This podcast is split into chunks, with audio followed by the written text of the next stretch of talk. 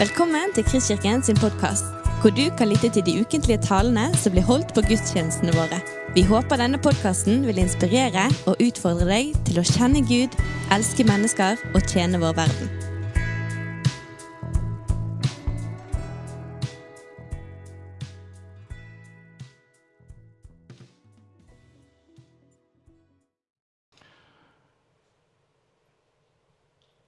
Vi får gå på selve teksten. Det er kanskje litt smått i det første bildet, men eh, teksten blir større etter hvert. Men eh, hvis dere har Bibelen, så er det altså for Markus kapittel 10, vers 1-12. Der står det Han brøt opp derfra. Det var fra Kapernaum. Det var faktisk siste gangen han var i hjemmet sitt før han døde og sto opp igjen. Eh, han kom til Judea og til landet bortenfor Jordan. Folk samlet seg hos ham igjen, og han underviste dem som han pleide. Og så skjedde jo det som da også ofte skjedde. Noen fariseere kom og spurte han. Har en mann lov til å skille seg fra sin kone? De ville sette ham på prøve. Hva har Moses påbudt dere? sa han. De svarte, Moses har tillatt mannen å skrive skilsmissebrev og sende henne fra seg. Så ser dere her at da refererer altså fariseeren til 5. Mosebok kapittel 24. Da sa han til dem.: Fordi dere har så harde hjerter, har Moses gitt dere dette budet. Men fra begynnelsen av, ved skapelsen, skapte Gud dem som mann og kvinne. Derfor skal mannen forlate sin far og mor og holde, fast, og holde fast ved sin kvinne. Og de, skal, de skal, to skal være én kropp. Og Her refererer altså Jesus til 1. Mosebok 1,27, og til det samme står det i 5,2, og til det som står i kapittel 2, vers 24. Og så sier han så er det ikke lenger to, de er én kropp. Og det som Gud har sammenføyd, skal mennesket ikke skille. De, da de var kommet i hus igjen, spurte disiplene han om dette. Han sa til dem, den som skiller seg fra sin kone og gifter seg med en annen, begår ekteskapsbrudd mot den første. Om en kvinne skiller seg fra mannen sin og gifter seg med en annen, bryter hun ekteskapet. Det som jeg har tenkt å, å gjøre nå, det er det å, å på en måte å, gå tilbake igjen til disse, uh, disse, tingene som det er referert til i uh, det som fariseerne sa, og det som Jesus sa. Og at vi på en måte kan få en reise tid i tid der vi gransker Skriftene liksom for å finne ut altså, hva er det Guds ord sier om dette temaet i vår tid. Hva er det som gjelder for oss, og hva er det som eventuelt ikke lenger er gyldig? Eh, så Vi reiste litt fram og tilbake i Det gamle testamentet og til Det nye testamentet, men nå begynner vi da med det som fariseerne sa. Her er det jo da, eh, Nå er vi kommet til femte Mosebok. Og Fortsatt så er det da altså kommet nye, nye lover og forskrifter som, som Gud har da gitt gjennom Moses. Eh, det begynte jo i, i andre Mosebok, når eh, Israelsfolket kom ut av Egypt. Da kom de første, kom de første budene, eh, og de første ti, og også en del forskrifter. Og så kom i tredje Mosebok. Der kom jo en, en, innføring i hva som skal til for at alt som er knyttet til tempeltjenesten, alt som er knyttet til det å dyrke Gud som Gud, Eh, skulle kunne komme i orden, og at Israelsfolket da skulle kunne være i dette fortrolige, intime forholdet til Gud. Og I 4. Mosebok så er det jo da denne ørkenvandringen, og nå er vi kommet til 5. Mosebok, der Moses da legger fram for Israelsfolket valget mellom å følge Guds sine bud og regler, som da fører med seg velsignelse, eller å følge de onde veiene som det folket som han har tenkt å føre ut av Kanan, Eh, har bedrevet før de. Eh, han vil at, skal, at Israels land, Kanan, skal være et rent land, et hellig land, og at hans folk skal være hellig. Og han gir de da, Moses da, han gir jo da folket da valget. Hvem vil dere tjene? Vil dere tjene Gud, eller vil dere følge denne, deres onde, egne onde veier? Og nå har han kommet da til kapittel 24, der han, eh, der han da gir denne forordningen. Da, at det kan hende en mann har tatt en kvinne til ekte, men ikke lenger ser henne på henne med velvilje fordi han har funnet noe usømmelig hos henne. Um, jeg kan bare, jeg kan bare si her at det, det, det, som, går, på det usømmelige her, er jo at, at, det må kunne verifiseres. Det er ikke nok at mannen skal kunne si at hun, hun har gjort noe galt. Det må også kunne bevises. Uh, han skriver skilsmissebrev, gir henne det og sender det bort, sender, sender det bort fra sin, sitt hus. Hun flytter fra ham og går bort og blir en annen mannskone, forhåpentligvis en som da behandler henne bedre. Om også den andre mannen får uvillig mot henne, skriver skilsmissebrevet, gir henne det og sender henne bort fra sitt hus, eller om han dør, så har ikke den første mannen som skilte seg fra henne, han kan ikke ta henne til kone etter at hun er, at hun er gjort uren. For det er avskyelig for Herren. Tydeligvis så, så bryr også Gud seg om hva som er forholdet mellom mann og kvinne. Og Så står det da i vers 5 Eh, om en mann er nygift, skal han ikke dra ut i krig og ikke bli pålagt andre plikter. I ett år skal han være fri til å være hjemme og være til glede for kvinnen som han har giftet seg med. Jeg tror mange ekteskap hadde vært vesentlig bedre også i vårt land hvis det hadde blitt lagt til rette for at det eh, kunne være sånn. Um, jeg syns det er veldig godt formulert da, at han, mannen skal være til glede for kvinnen. Altså, det gir jo et veldig godt uh, motiv, tenker jeg for oss menn og være til glede for konen som vi nettopp har giftet oss med. Og Så står det da i, eh, helt i vers 18 da, i det samme kapittelet nå er det tatt med her for ordens skyld, dere skal ikke fordreie retten for innflyttere og farløse og ikke ta en enkes klær i pant. Altså Her er jo da, her er jo da eh, en lov som blir gitt til Israelsfolket og så er det da eh, slik at Moses da sier at det gjelder også for de som da har valgt å bli boende sammen med Israelsfolket, eller som har flyttet inn til det hellige landet fordi at de ser at det er et godt land å bo i. Og så er det da nevnt de farløse og enkene, og da er for så vidt de som vi ser gjennom hele det gamle, også i Det nye testamentet, blir nevnt igjen og igjen. Hvem er det som trenger ekstra omsorg? Um, og jeg kan også nevne at eh, I åndelig forstand så er vi som er hedninger, vi er innflyttere i det hellige landet. Sånn at disse ordene de dekker også oss. Og Så må vi da finne et lite prinsipp. tenker jeg. Altså, hva, hva, er kan, hva, er det vi kan, videreføre fra Det gamle testamentet inn til, inn til det som gjelder oss i dag, der vi har den nye pakten og Det nye testamentet? Og jeg tenker at eh, En, en god eh, tommelfingerregel er at hvis det som står i Det gamle testamentet, er bekreftet i Det nye testamentet, så tenker jeg at da gjelder det også for oss. Er dere enig i det? Uh, en annen ting som jeg også syns er, er, viktig å ta fram, er jo dette at uh, det, som, det, som, loven gjør, det er at den, den, peker jo egentlig hele tiden frem mot Jesus. Veldig mange av de, de tingene som gjelder gudsdyrkelsen, tempeldyrkelsen, uh, livet mellom Gud og Israel, det peker frem mot det Jesus skal gjøre når han kommer. Sånn at eh, jeg tenker på at det, dette med, med, med, med å se på, se på, loven som en, kun som en bokstav, det blir, for, det blir for grunt. Vi må også kunne se på det på en måte noe som, også se etter de sporene eller de tegnene som det viser oss om at Jesus er den som skal komme og oppfylle alt det som står der. Eh, spesielt da om soningen og syndofferet som da menneskene trenger. Og Så var det da Jesus som, som svarer. og Han viser jo da til skapelsen. Han viser til uh, hvordan Gud har tenkt det fra begynnelsen. Og han mener da at uh, ordningen med at en mann skal forlate sin far og sin mor og stifte et nytt hjem med kvinnen, det er Guds oppskrift. Han skal holde fast ved henne. Det er klart at mannen her har fått et spesielt kall eh, til å være en god ektemann. Og det, det, som vi skal komme tilbake til, er at det, det, har, en del, ja, det har en del krav med, med seg. da. Må være på samme ja. Eh, så, så, er jo den biten som går på at Gud han satte da Adam og Eva til å styre i Edens hage. Det var liksom sånn det var i begynnelsen. Det var noe de skulle gjøre sammen. Han hadde sett at Adam trengte en hjelper. Og så står det at han velsignet dem og ga dem navnet menneske den dagen de ble skapt. Jeg ser ikke helt hva som vises på skjermen.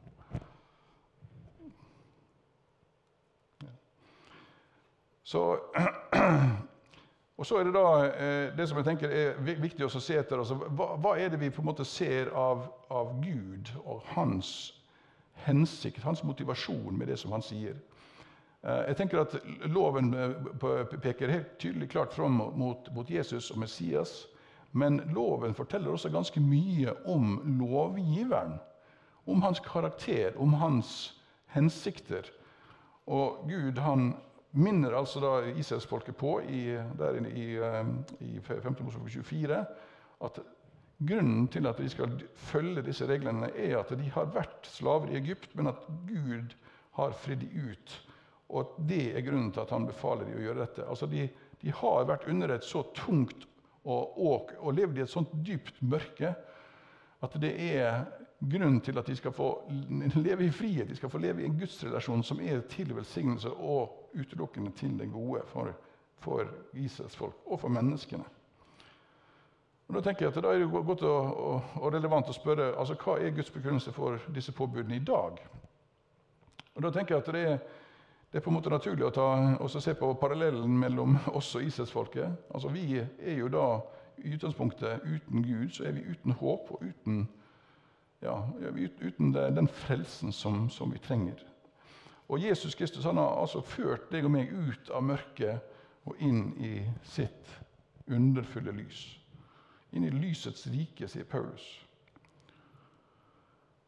Så Derfor er det naturlig, naturlig, å spørre hva betyr det Jesus sa for oss i dag. Eh, det betyr jo for det første at han poengterer at Gud skapte mennesket som mann og kvinne. Det er på en måte biologien. Eh, og så velsigner han, til, de til å være fruktbare og bli mange. Og jeg, liksom, jeg har mange ganger tenkt på altså, hva er det som gjør at Gud ønsker at menneskene skal bli mange. Og Han ønsker at menneskene som han, han skaper, skal, skal, være i dette tettere forholdet til han som han, han skisserer opp skal være forholdet mellom han og israelsfolket, som er hans utvalgte folk. Og da tenker jeg at Det må jo ha sammenheng med at Gud har skapt mennesket i sitt bilde. Han har gitt det enormt høy verdi fra sitt eget utgangspunkt. Og Da er det jo spørsmålet hvorfor, hvorfor har Gud da villet ha så mange mennesker som dyrker Han som Gud?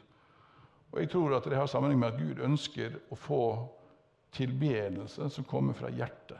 Gud ønsker at mennesker skal få del i frelsen i Jesus Kristus, slik at vi får et nytt hjerte og at vi da kan tilbe Gud på en måte som er til behag for Han, og som da også kanskje erstatter alle de englene som ble kastet ut når Satan gjorde opphør i himmelen før himmel og jord ble skapt.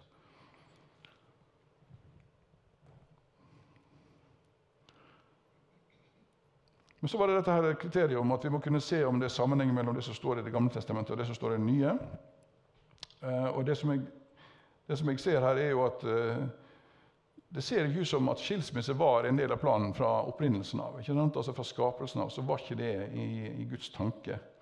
Men Moses har jo da kommet til og har stritt med israelsfolket i 40 år og funnet ut at eh, vi er nødt til å ha en forordning også som handler om det. Det skal vi komme tilbake igjen til.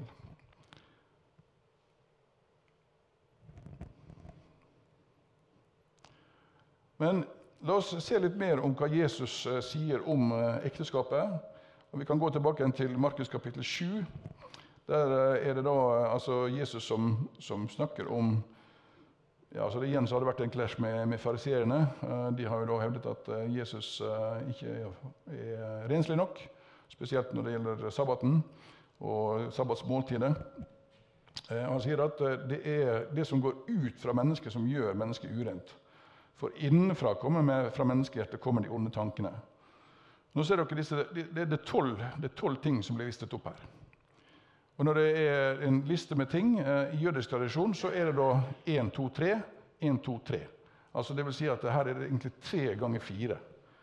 Og det, det, gir oss et veldig interessant bilde når vi nå går videre og så ser på disse tre og tre. Eh, altså, hvert, hvert, hvert, altså, det blir egentlig vært nummer 1, 4, 7 og 10. 2, 5, 8 og 11, 3, 6, 9 og 12. Ser du et, at det tegner seg et interessant bilde her? Altså, Hor er jo da et, et, et norsk ord som kommer fra, kommer fra norrønt. Det har gresk opprinnelse. Eh, men det betyr jo brudd på ekteskapet. det, det betyr. Sånn at det, som du ser da i kolonne nummer to her, fire, fem og 6, det er jo at det beskriver hva graden av det som da står i den nummer, kolonne nummer én, én, to og 3. Så hor er jo da ekteskapsbrudd. Det motiveres av svik fra en av partene. Og i Guds øyne så er det spott mot han, fordi det er en spott mot hans ordninger. Og På samme måte så er det tyveri det er, det er grådighet. Eh, det, det, er motivert av utskeielser eller umoral, som det står i noen oversettelser.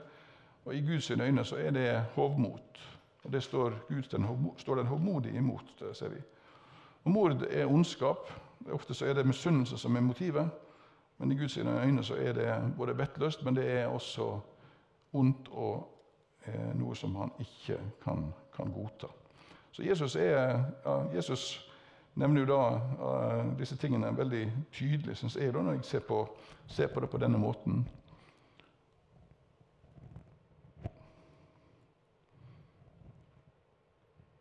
Unnskyld. Der. Um,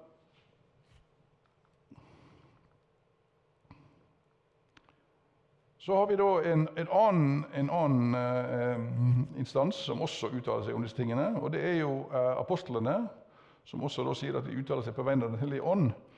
Og dette er, dette er, jo etter at det har blitt diskusjon om Paulus sitt, sitt, sitt virke blant hedningene, altså blant oss, som da ikke hører til i utgangspunktet blant Guds folk. Eh, og Et av de store kontroversene det var jo dette med omskjærelse og i hvilken grad de var nødt til å følge Moseloven. Og Da har jo de kommet til at uh, selv for Israels folk så var det nesten ja, det var umulig for dem å klare å oppfylle lovens krav.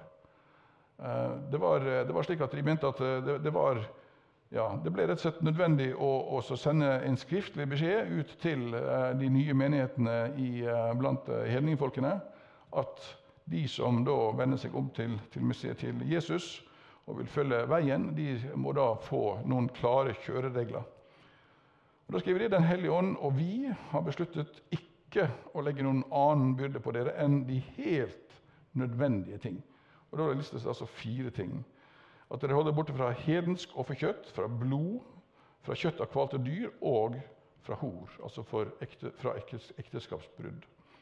Om dere passer dere for slikt, vil det gå dere godt. Lev vel. Jeg tenker at det er en fin hilsen i dag. uh,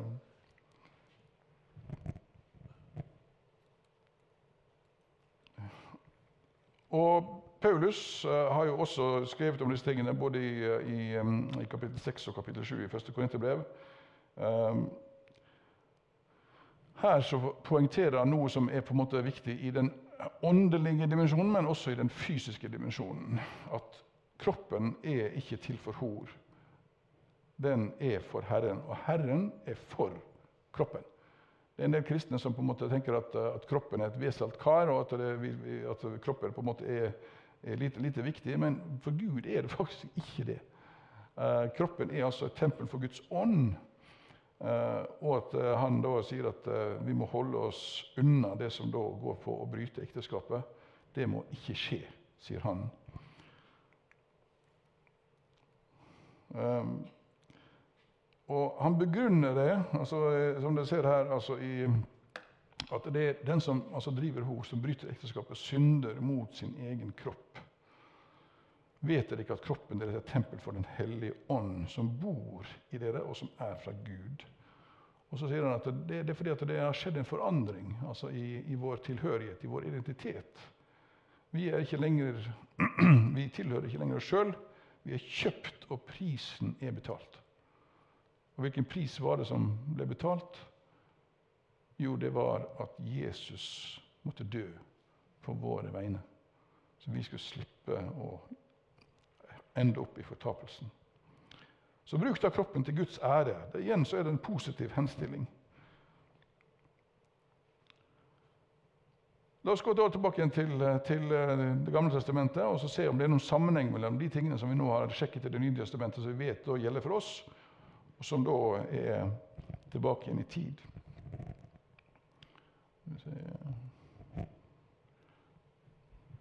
Gikk jeg inn for langt? Nei, beklager. Eh, hvis, dere, hvis, dere, har eh, si, lest Tredje Mosebok, som er på mange måter den tørreste og kanskje vanskeligst tilgjengelige boken i Bibelen, så eh, vil jeg sterkt anbefale å, å, få en god studiebibel som kan hjelpe deg med å på en måte skaffe oversikt over den boken. Fordi at eh, hvis du, på, hvis du ser på, hvordan bok, boken er bygd opp, så er det slik at til og med kapittel 16 så gir den forordringer for alle de tingene som er knyttet opp til tabernakelet og tempeltjenesten, alle ritualene, alle tingene som skal skje i, i tabernakelet for at de da skal kunne forbli i Altså for at vi skulle kunne bli, bli helliggjort og renset i forholdet til Gud. Uh, og når vi kommer til kapittel 16, så er vi altså kommet til det siste del av renselsesprosessen.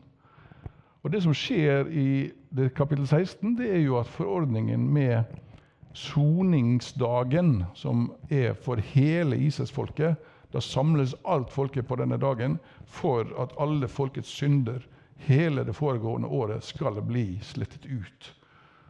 Og Måten det blir gjort på, det er jo da at det velges ut et, et lyteløst lam. Eller det velges ut to, faktisk. Eh, de må være helt lyteløse. Må, eh, og det ene av de da, det blir eh, da skal ypperstepresten legge hånden på hodet, og så skal han si at alle Israels synder blir nå overført på dette dyret, og så blir det sendt ut i ørkenen. Det andre, andre, offer, andre si, offerdyret blir jo da slaktet, og blodet blir stenket på, på arken på der lovtavlene da ligger som et symbol på at nå er alt hellighet. Og Det, det er på en måte, det er litt sånn interessant å se dette her. fordi at Hvis du da kommer fram til, til, Johannes døperen, så var Johannes døperen han var av Arons ett. Han var levitt. Og han er den som da har gått god for at det lammet som skulle slaktes, var lyteløst. Det er det han sier når han sier 'Se der Guds lam som bærer verdens synd'. For Hva var det som skjedde med det lammet? Hva var det som skjedde med Jesus etter han hadde sagt disse tingene, og etter at Jesus var blitt døpt? Jo, han ble ført ut i ørkenen. Han var der i 40 dager og 40 netter uten mat og drikke. Akkurat som den sauen som jeg har skrevet om i kapittel 16 i Tredje bok. Ser du parallellen? Det er ganske sterkt når vi på en måte begynner å oppdage sånne ting. Og så, så, er jo da Fra kapittel 17 og gjennom hele resten av den boken så, så, er det forordninger som gjelder for at Israelsfolket, og vi som da er blitt innlemmet i Guds folk, skal kunne forbli i et, et intimt og nært relasjon med den hellige, hellige Gud. Og Gud han sier da at de første tingene som, som han nevner da, når, når, vi kommer til kapittel 17, det er jo at, at Israelsfolket skal la være å, å, spise kjøtt som er ofret til avguder, og de skal heller ikke spise eh, kjøtt av kvalte dyr. Og I tillegg så er det da et forbud mot å, å spise blod. Um, og I det som kommer videre i kapittel 18, så er det da et, eh, de, de, seksuelle tingene som, som, blir omtalt. Det første det er et forbud mot incest. Det andre er jo da et spesifikt vern for kvinner. Og det, er, det neste da er et forbud mot uh, alle former for homoseksuelle relasjoner. Uh, og Hvis dere husker da hvordan uh, vi, det, det sto når vi leste på, fra apostelgjerningene um,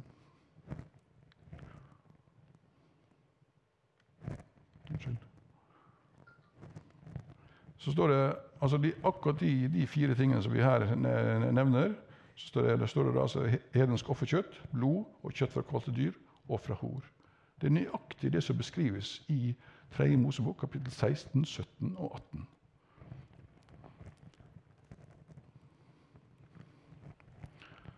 Ok, La oss gå videre.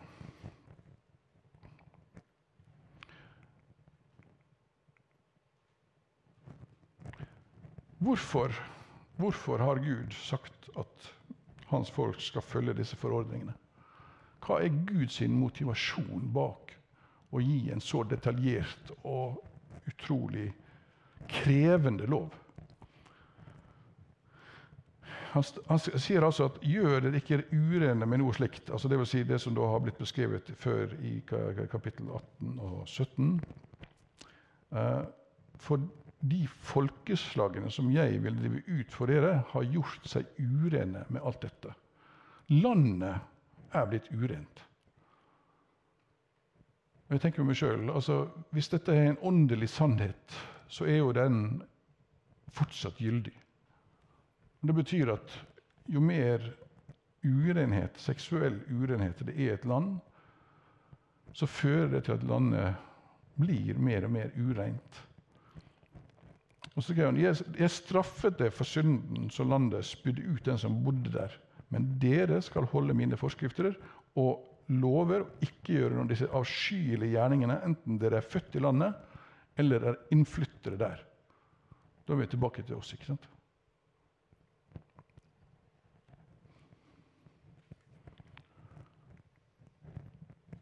David er jo også en av de som, som har uttalt seg om, om dette temaet. Eh, Moses var jo det mest ydmyke mennesket som har levd. Han får denne testen i 4. Mosebok av Gud selv. David er jo det mest helhjertede mennesket som har levd. Han hadde et hjerte som var i henhold til det Gud, eh, Gud eh, ønsket. Og han skriver jo i, i Salme 25, i vers 10 der, alle Herrens stier er miskunn og troskap mot dem som holder Hans pakt og Hans bud.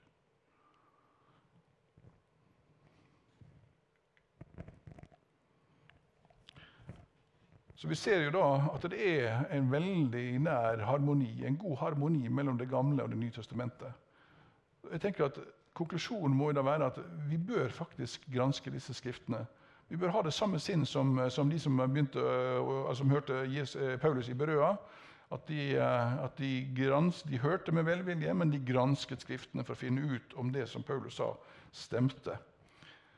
Og jeg synes at denne, denne Hilsenen fra Paulus til Timoteus eh, vil jo på en måte bekrefte det. Det som er liksom interessant med Timoteus, er at han hadde jødisk mor som eh, hadde kommet til tro på Messias, og han hadde gresk far. Eh, derfor er han på en måte litt både jøde og, og hedning, sånn som oss. Men han, han da, hadde Paulus som mentor, og han lærte veldig mye. Men Paulus sier til ham helt fra du var et lite barn, så har du kjent de hellige skriftene. Dvs. Si Det gamle testamentet. Er vi ikke på samme sted? Ja, måtte være sikker.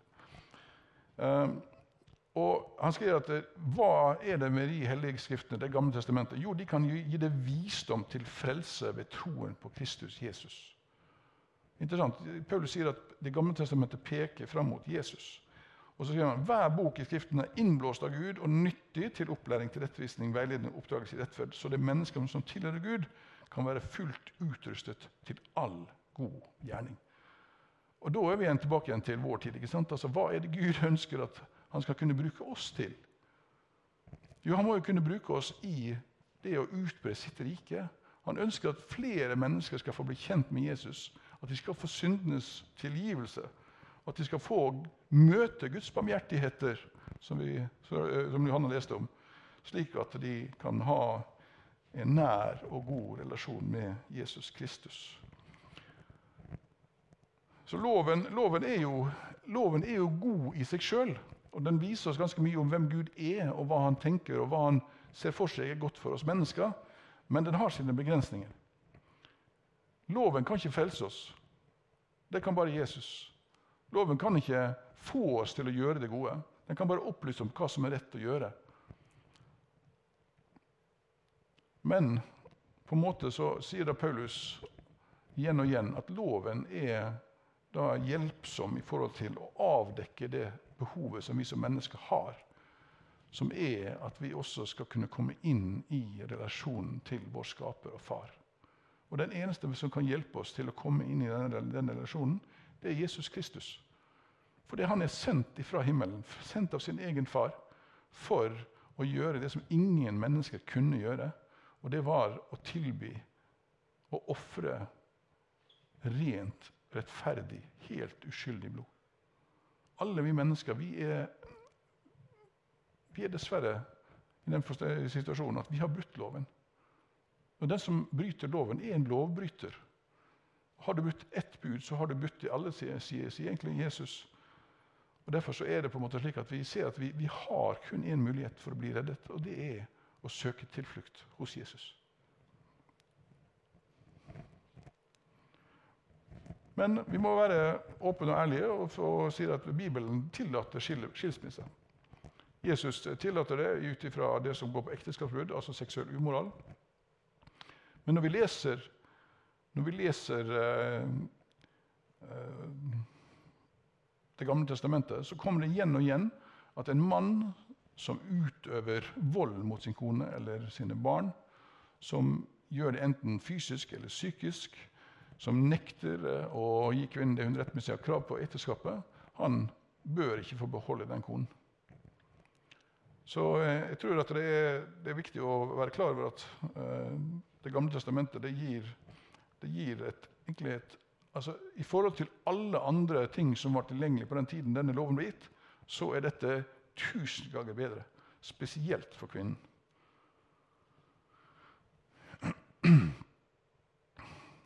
Og I, i Nyttestamentet ser vi da at det er, det er da eh, slik at Jesus peker på i teksten vår i dag at hvis eh, en går ut av ekteskapet og gifter seg med en annen, så, så driver en altså hor, som da er ekteskapsbrudd. Um, men så sier Paulus òg i 1.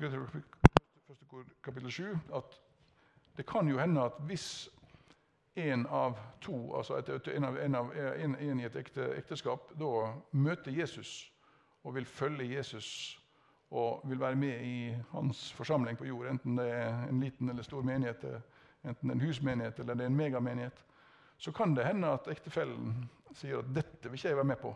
Og hvis du går inn i det, så vil ikke jeg være med deg lenger.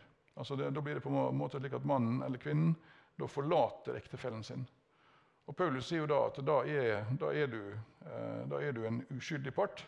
Og Han begrunner det på flere måter, men det er altså slik at, at det, er, det, er, en slik at Det nye testamentet sier at det er en grunn til at det kan være godkjent å skille seg.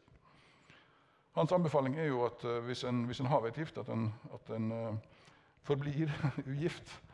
Han sier at uh, han sier jo at at det er ganske mange ting som, som distraherer eh, ektefolk, som er knyttet til det jordiske, mens de som lever enslig, de kan i større grad eh, rett og slett eh, vie seg mer til, til, det som er himmelsk, det som er, det som er knyttet til, til utbredelse av riket. Så for å summere opp da, altså Det gamle testamentet, da, da etableres da ekteskapet som en gudvillet pakt Eh, og det er fordi Den er jo et bilde på relasjonen mellom Gud og Israel. Det er et eh, forbilde for relasjonen mellom Jesus og menigheten, men også at det er til vern for kvinnen og til velsignelse for oss. Så når vi ønsker å leve i en intim relasjon der Gud sier at er du en mann eller en kvinne og du ønsker å nyte de seksuelle gavene som Gud har gitt, så skal det skje innenfor en, en trygg ramme en god ramme, og den rammen det er en inngåelse av ektepakt. Og jeg tror det er mange som, som, har blitt overrasket, og eh, faktisk også folk som har bodd sammen, som har opplevd hvor stor forskjell det er å være gift. Uh, og jeg kan jo si for min egen del at jeg syns det var ja, jeg synes det var faktisk veldig viktig, det, det som Jesus påpeker, at, at, det er viktig at når vi skal finne oss vår ektefelle, så må vi ha Gud med på laget. Um, jeg skal si litt, litt mer om det senere, men uh, nå, har vi, uh, nå, har vi, holdt på en god stund her, og vi nærmer oss for så vidt slutten. Men jeg tenkte at vi må bare, sånn, bare sånn for å ta en liten pause her. Jeg har uh, laget en, eller hentet ut en oversikt som viser hvilke altså sosiale forordninger som ligger i Moseloven, og også de, de budene som, som, som, vi har, de ti bud, å, som viser da, hva, hva som Moseloven sier om de, og eh, hvordan de er da bekreftet i Det nye testamentet. Så alle kan, kan få eh, hver sin eh, tror jeg nok, og du hjelper meg å dele ut. Hvis dere har lyst til å reise dere bare litt øyeblikk, så, så er det mulig bare for liksom få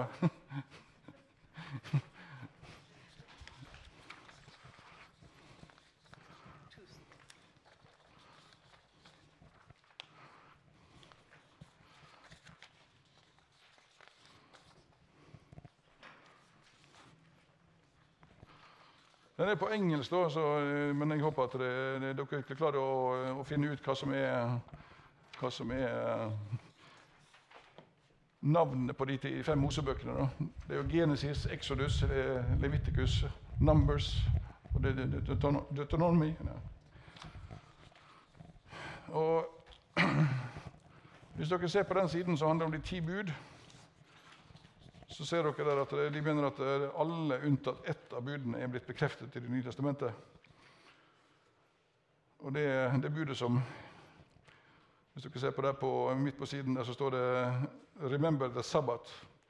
Det er fra 2. Mosebok 20.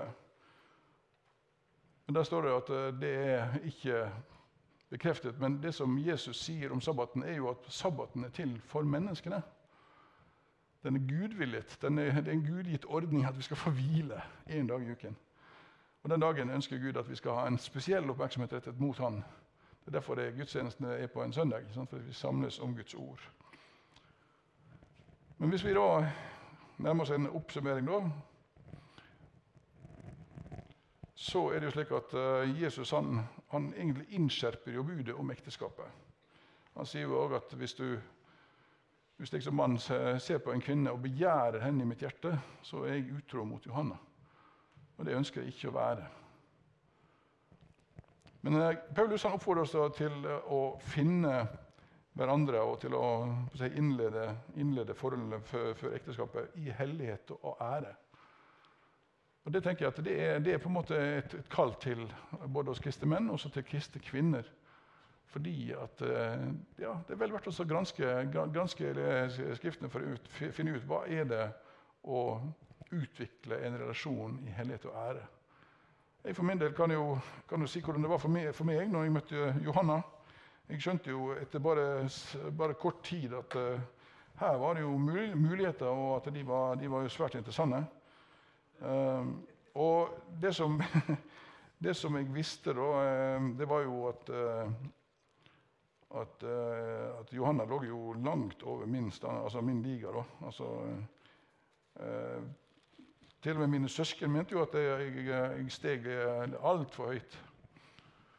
Uh, men jeg hadde jo, jeg hadde jo da bak meg en, en, at jeg hadde møtt veggen to år før. og hadde, en, del, av det som da hadde skjedd, var at jeg hadde, ja, jeg hadde jobbet med en relasjon i forhold til en, en som jeg studerte sammen med, som jeg studerte sammen i USA. Og fant ut etter hvert at eh, jeg hadde investert mye mer i det enn det som hun trodde. Og at det, det lå ikke noe relasjon der likevel når vi da møttes etter et år. Eh, eller møttes igjen etter et år etter hvert i Norge. etter og studerte i USA i fem år. da. Eh, sånn at Jeg visste jo det at jeg hadde bevisst latt være å søke Gud i forhold til, i forhold til henne. Jeg visste at, eh, at, eh, det som hadde skjedd med meg, og det som jeg hadde gjennomgått, som gjorde at jeg møtte veggen, det hadde også sammenheng med min egen stolthet. At jeg ville på en måte finne veien sjøl, at jeg ikke ville rådspørre Gud om hva jeg skulle gjøre. Og nå skjedde jo ting som, som, jeg ikke kunne ha noen som helst kontroll over, som, som ånde. Uh, far til en av mine beste kamerater, nei, far til kjæresten til en av mine beste kamerater. Han, han skjøt kona si og tok livet av seg sjøl. Eh, det, det, det, var det skjedde mens jeg var der borte. Hun skulle i et bryllup til bestekameraten min som jeg reiste til USA sammen med. Når jeg kom hjem til Norge, da, så, så ble, ble, jeg rett og slett søvnløs i en hel måned. Så var, Da møtte jeg veggen. Men eh, jeg visste jo da at, at det som var vendepunktet for meg, det var å ydmyke meg overfor Gud. Det var å, å, å, å si til Gud at at jeg er nødt til å, å, vite at jeg har din velsignelse før jeg går inn i en ny relasjon. Så når, når jeg og Johanna begynte å prate sammen, så, så, merket jeg fort at det er utrolig godt å prate med henne. Og jeg merket veldig tidlig at uh, hun har jeg lyst til å satse på. Så, så måtte jeg bare gå til Gud og så måtte jeg si nå må jeg ha svart på hvitt at jeg har din velsignelse til å gå inn i dette. Og Da leste jeg følgende vers. Så gå og et ditt brød med glede og drikk din vin med godt mot. Gud har da for lenge siden samtykt i det du gjør. Det synes jeg var et ganske direkte svar. Og Det første spørsmålet som reiste seg, for jeg tenkte at dette var en ganske stor oppgave, å vinne Johanna som min ektemake, så tenkte jeg hvordan skal jeg da gjøre det? Og Så står det dette etterpå. La klærne dine støtt være hvite, og la det aldri vante olje på hovedet. Nyt livet med den kvinna du elsker, alle dager i ditt forfengte liv, som Gud har gitt deg under sola. Igjen så er helt, helt konkret svar. Jo, du må leve rent. Hvite klær betyr å leve rent. Å ha olje på hodet betyr å være fylt av Den hellige ånd. Og Det, det opplevde jeg det året jeg og Johan ble kjent. At jeg virkelig på en måte kunne gå inn i gudsrelasjonen og bli bedre kjent med Gud. Og jeg kunne gå inn i forhold til Johanna og bli bedre kjent med henne. Og Ni måneder etter at vi ble kjærester, så giftet vi oss. Det gjorde vi på solkvervdagen i 1996. Og livet har bare blitt bedre og bedre siden det.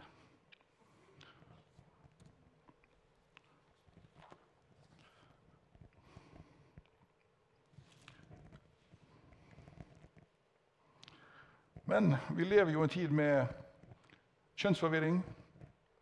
Vi lever i en tid der velkjente sannheter blir slutt på hodet. Det som jeg har sagt her i dag, det er politisk ukorrekt. Det er slik at De som har gått ut og sagt de samme tingene som jeg har sagt i dag, har faktisk nå begynt å bli rettsforfulgt. Vi har en, en parlamentsmedlem i Finland som blir nå prøvd rettslig fordi hun har sitert det Paulus har sagt om homoseksuelle handlinger. Så det går på ytringsfriheten løs, faktisk.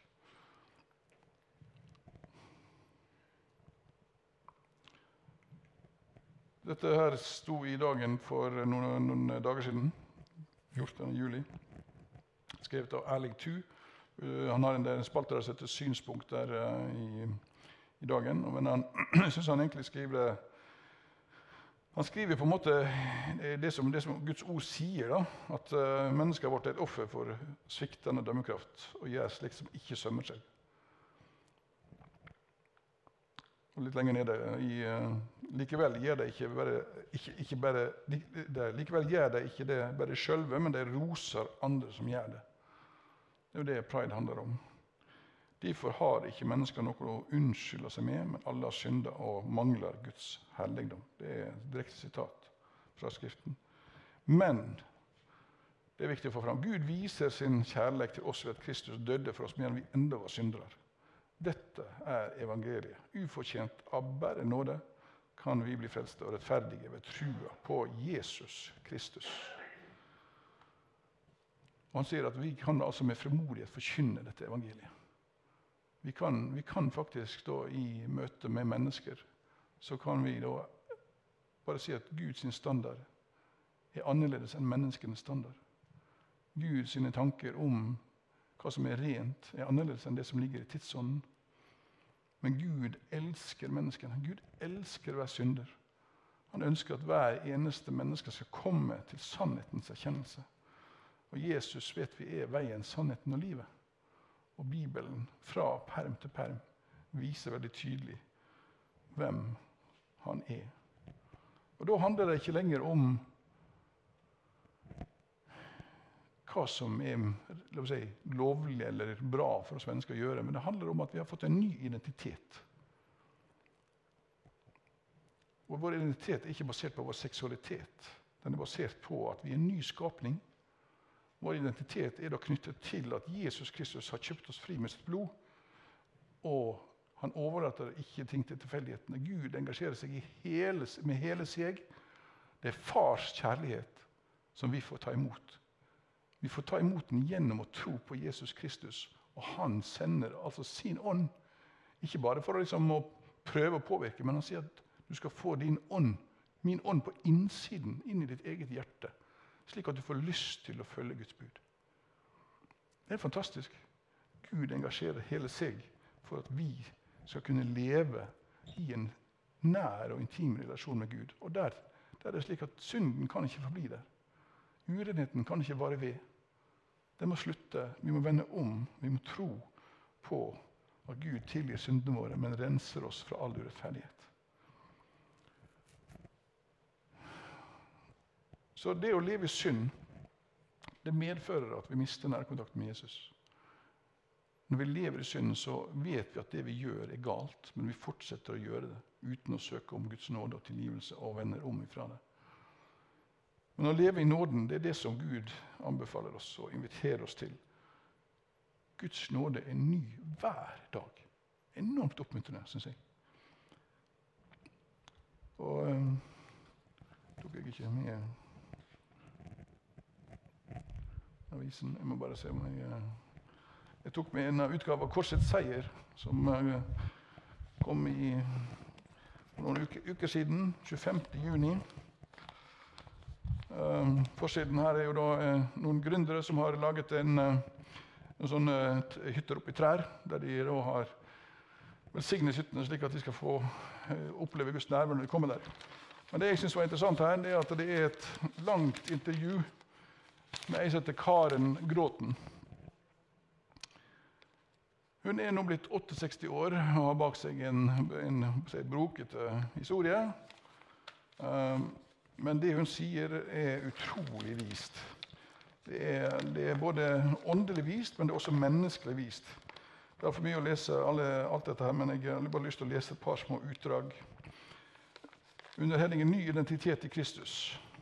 Mitt sanne jeg var at jeg har blitt en ny skapning i Kristus. Jeg var født på ny, skapt til kvinne. Og hvis jeg noen gang skulle leve i en intim relasjon igjen, så var det med én mann i et ekteskap. Karen Gråten legger ikke skjul på at endringen tar tid, og det dreier seg om prosesser. For henne har det vært helt avgjørende å gi Gud rett i det han sier i sitt ord. Og til tross for hva følelsene sier. Da får ordet kraft i våre liv, sier hun, og viser til Paulus brev til Efeserne kapittel 4, vers 22 og 24. Lev da ikke som før, står det der, men legg av det gamle mennesket som ble ødelagt av de forførende lystne. Bli nye i sjel og sinn. Kle dere i det nye mennesket som er skapt i Guds bilde, til et liv i sann rettferd og hellighet. Det er ingen pussete kraft vi har på vår side når vi følger Jesus, slår hun fast. Gud, Guds ord leder oss rett, men hvis følelsene er kompassnåla, føres vi lett på avveie, forklarer hun. Og så sier hun om, om nåde og omvendelse. Eh, evangeliet ønsker alle velkommen, uansett hvilken bagasje du har med deg til korset. Jesus møter kvinnen som var grepet i hor, med nåde, sannhet og kjærlighet. Sannheten om hennes liv slik hun levde, nåde over syndene og den kjærligheten som forandrer. Gå bort og synd ikke mer. Uansett bibeltolkningen så står evangeliet fast. Lev et liv i ånden. Da følger dere ikke begjæret i deres syndige natur, som står i Galaterne 5,16. Begjæret får aldri nok sier hun. Hvis begjær og sjelelige følelser skal få styre oss, blir det en evig, på evig jakt etter tilfredsstillelse. Som kristne skal vi forvandles til Guds likhet. Vi skal ikke forvandle Gud til vår likhet. Jeg lever i kjærlighetsrelasjon til Jesus, og der er jeg opptatt av å elske og ære Ham.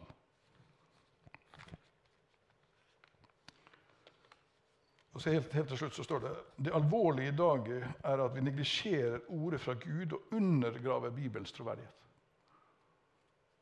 Vi har dessverre et ganske nytt ferskt eksempel på det. Vi hever oss over Skriften og lager nye kjøreregler ut fra vi føler og presser fra samfunnet. At seksuelt samliv skal, skal leves mellom to personer, mann og kvinne, i ekteskap, er noe av det mest åpenbare i Guds ord. Det tror jeg vi har på en måte bekreftet i dag. har vi ikke Det Det gir gode frukter, skriver hun. Følelsene sitter i sjelen, og de styres utenfra.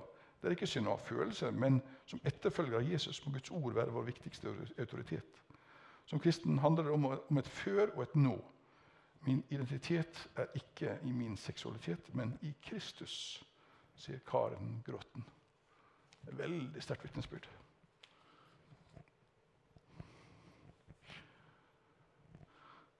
Så Derfor har det på hvert bilde i dag stått at lydighet er bedre enn offer. Og hvorfor er det det? Jo, det er jo fordi at det handler igjen om hva er det som beveger oss. Er det det at vi ønsker å gjøre det Gud ber oss om å gjøre, eller fokuserer vi på hva vi, vi sjøl må gi avkall på? Når vi, når vi, ønsker å være lydige mot Gud, da må vi lytte etter hva Gud sier i sitt ord og ved sin ånd. Slik at vi kan være klar over hva det er Gud vil vi skal være med på denne dagen. For Gud, Gud ser etter mennesker som er villige til å tjene, som er villige til å følge Han. Og For å kunne gjøre det, så må vi være lydige mot det Han ber oss om å gjøre. Og Derfor er det vi er så avhengige av både Guds ord og Guds ånd. For ordet det er det som Gud allerede har åpenbart ved sin ånd. Men så er det slik at Gud levendegjør ofte det ordet til oss i hverdagen, slik at vi kan bruke det ordet og gå på det ordet og velsigne andre med det ordet som vi har fått. Og så vil mennesker da oppleve at når vi taler det som Gud ber oss om å si, så møter ikke de et menneske alene. De møter jo Gud. Og de føler seg berørt, for de føler seg sett. Ikke bare av et menneske, men sett av Gud.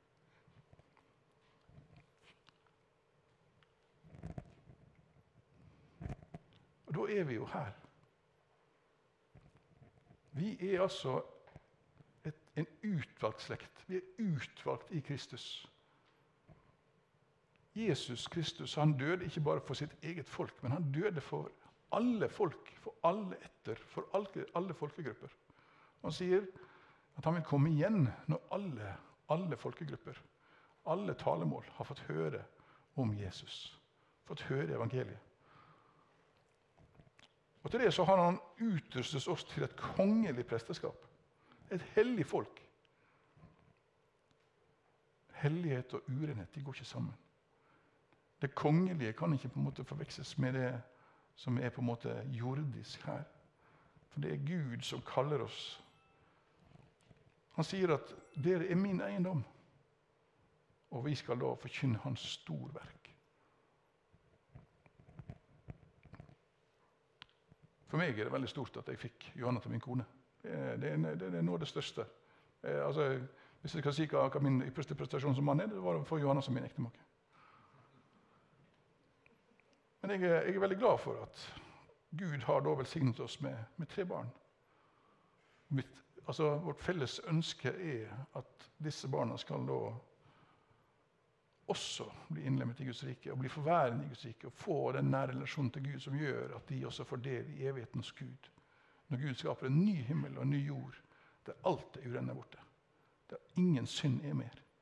Der ingen tåre vil, vil felles. Der Gud er lys for alle hele tiden. Og Dette, dette syns jeg er så fantastisk. At Gud han har altså kalt oss inn i sitt underfulle lys. Det er ingen steder som er bedre å være enn i det lyset, sjøl når det er ubehagelig. Men det er Guds kjærlighet som driver oss til omvendelse. Det er ikke den Satans måte å si at du kan ikke være kristen som gjør sånn, som tenker sånn, som ser på noe sånt. Du kan ikke være kristen, sier Satan. Men Gud sier hvis du vil høre på meg og ta imot det gode jeg har i deg, så får du syndens forlatelse når du angrer det du har gjort, og ber om nåde jeg gir deg nåde igjen og igjen og igjen. Han sier, tre fram for nådens trone med frimodighet. Tre fram for nådens trone med frimodighet. Ære være Faderen og Sønnen og Den hellige ånd, som var, og som er, og som være skal. En sann Gud fra evighet og til evighet. Amen. Du har lyttet til en podkast fra Kristkirken i Bergen. Vi håper du har blitt inspirert og utfordret i din vandring med Gud. Vil du vite mer om oss, så klikk deg inn på kristkirken.no.